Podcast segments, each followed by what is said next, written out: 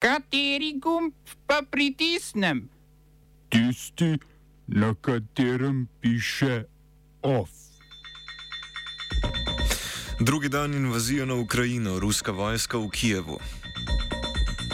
Evropska unija z drugim svežnjem sankcij zoper Rusijo. Mirovna misija EUFOR v Bosno in Hercegovino pošilja dodatnih 500 vojakov. Predsednik republike Borut Pahor se je opravičil izbrisanim.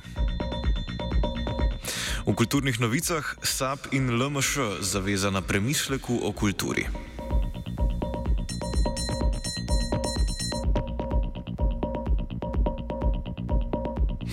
Dobar dan, radio študent, poslušate poročila. Poteka drugi dan ruske invazije na Ukrajino.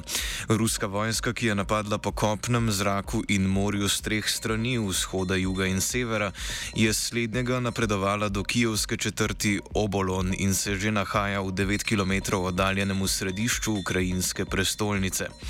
To so med tretjo in četrto uro zjutraj po lokalnem času začela bombardirati letala, pred katerimi so se prebivalci zatekli na postaje podzemne železnice bolnišnice in druga zaklonišča.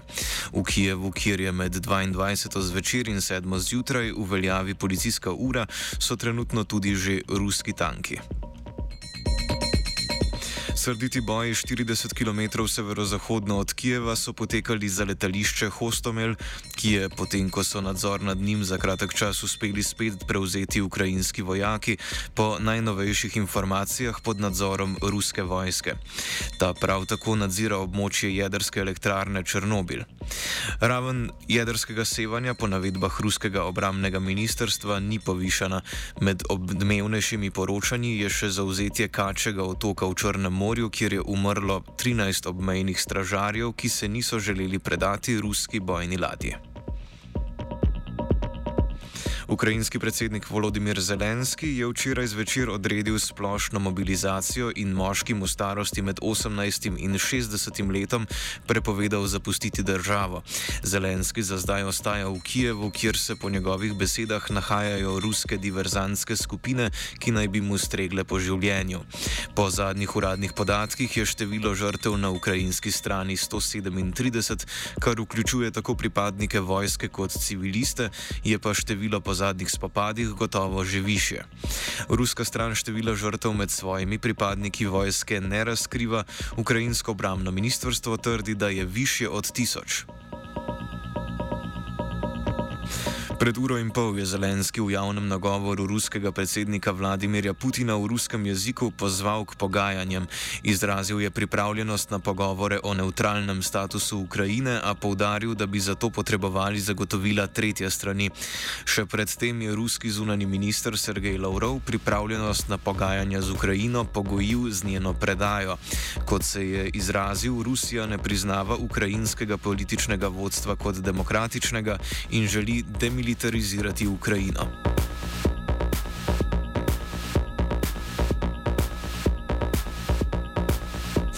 Medtem ko v več mestih po svetu potekajo protivojni protesti. V Moskvi, Sankt Peterburgu, Jekaterinburgu, Permu in drugod po Rusiji je bilo na prepovedanih shodih aretiranih več kot 1700 protestnikov, ki jih je preiskovalni odbor, organ ruske vlade, ki preiskuje večja kazniva dejanja, vnaprej posvaril pred pravnimi posledicami ob udeležbi. Evropska unija je v vojni v Ukrajini zasedala na izrednem vrhu v Bruslju. Voditelji držav članic so sprejeli drugi razširjeni svežen sankcij proti Rusiji, ki obsegajo finančni, energetski in prometni sektor ter omejitve na področju vizumske politike za ruske oligarhe. Predsednica Evropske komisije Ursula von der Leyen je na tiskovni konferenci dejala, da so sankcije zastavljene tako, da bodo imele maksimalen učinek na rusko gospodarstvo in elito. Ruskim bankam in ključnim podjetjem v državni lasti bo tako prepovedan dostop do finančnih trgov Unije, s čimer naj bi prizadeli 70 odstotkov bančnega trga Rusije. Poleg tega bo onemogočen nakup tehnologije namenjene posodabljanju naftnih rafinerij in civilnih letal oziroma rezervnih delov za nje. Ker tri četrtine ruske civilne letalske flote izvirajo iz EU, bi tako na dolgi rok poskušali ohromiti tamkajšnji letalski promet. Ta je sicer v Rusiji prepovedan za vsa letala, ki so registrirana v Združenem kraljestvu, potem ko je London prepovedal pristanke na otoku letalski družbi Aeroflot. Svežen sankcij morajo, preden stopijo v veljavo, potrditi še zunani ministri članic Unije. Pomenljivo je, da med sankcijami ni zajetih omejitev pri uvozu ruskega plina v Evropsko unijo, prav tako ne izključitev iz Belgijskega združenja za svetovno medbančno telekomunikacijo, poznanega pod kratico SWIFT. Von der Leyen je ob tem izjavila, da je prioriteta najti način, kako zmanjšati energetsko odvisnost Evropske unije od Rusije. Francoski predsednik je Emmanuel Macron je ob robu zasedanja napovedal še pomoč Evropske unije Ukrajini pri orožju in denarju in sicer v znesku 300 milijonov evrov. Več o vojni v Ukrajini tudi v kultivatorju ob 17. uri, ki mu bo sledil tudi studijski del.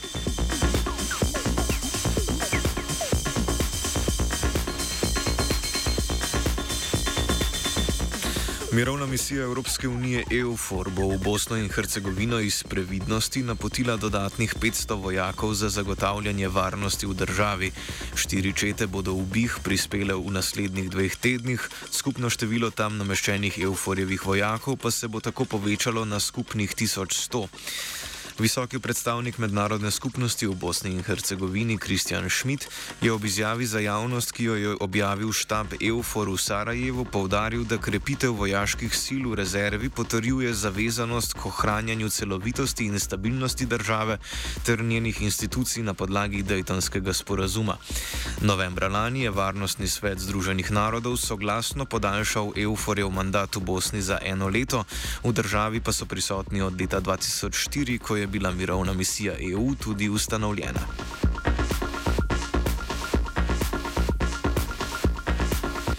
Zvezdna porota v Minneapolisu je tri nekdanje policiste, ki so 25.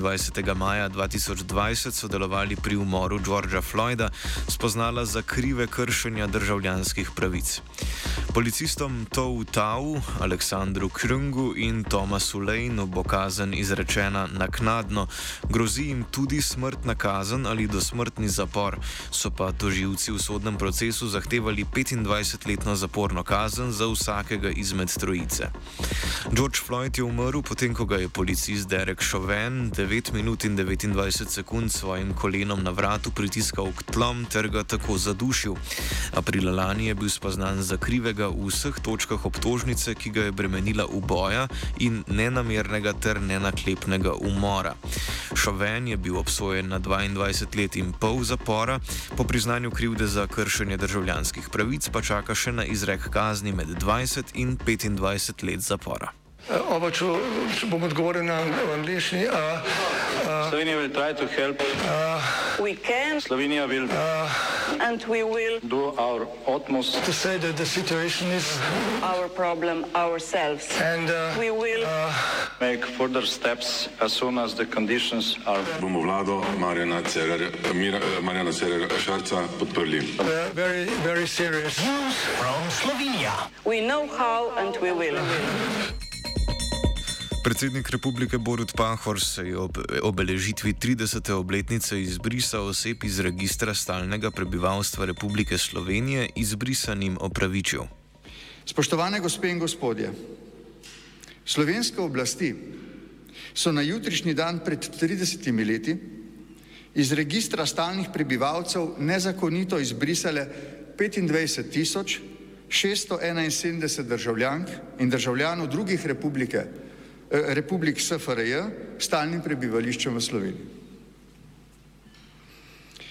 Mavki zbrisa so po letih stisk, agonij in sramu prvi prekinili izbrisani sami.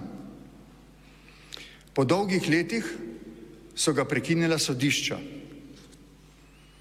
Danes je napočil čas, da mavki zbrisa prekine tudi država in jaz kot njen najvišji predstavnik v njenem imenu. Spoštovani izbrisani, sprejmite prosim iskreno opravičilo v mojem imenu in imenu države za neustavno dejanje izbrisa iz registra stalnega prebivališča, opravičilo za kršenje človekovih pravic in vse krivice ter trpljenje, ki ga je vam in vašim družinam povzročilo to dejanje. Na obeležitvi v imenu civilne inicijative izbrisanih aktivistov govoril tudi njen predsednik Irfan Beširevič. Danes je za nas nov dan.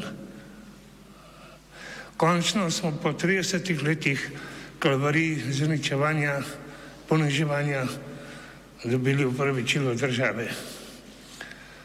Upravičilo pomeni priznanje izbrisa in posledice izbrisa. Nekateri mislijo, da je izbris končan, da s tem upravičilom je konec kalvarije, ne ni še.